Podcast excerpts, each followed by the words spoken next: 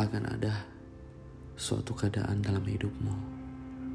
Kau bertemu dengan seseorang yang begitu berharga untuk kemudian mematahkan hatimu. Dalam berjuta harapan, kau selalu saja dikalahkan olehnya. Walau kau sempat memenangkan hatinya. Kintaki suara, Nelansa dalam podcast Ruang Rindu.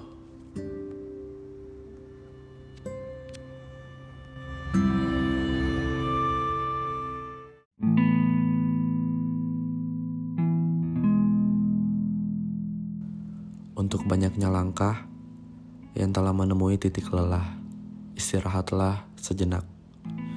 Memaksakan diri untuk tetap berlari menuju tujuan yang belum pasti keberadaannya hanya akan membuatmu larut dalam harapan-harapan yang menciptakan kesedihan. Hidup akan terus bergerak.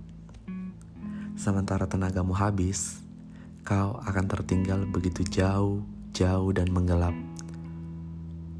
Ingat, berserah bukan berarti pasrah. Berhenti bukan berarti kalah.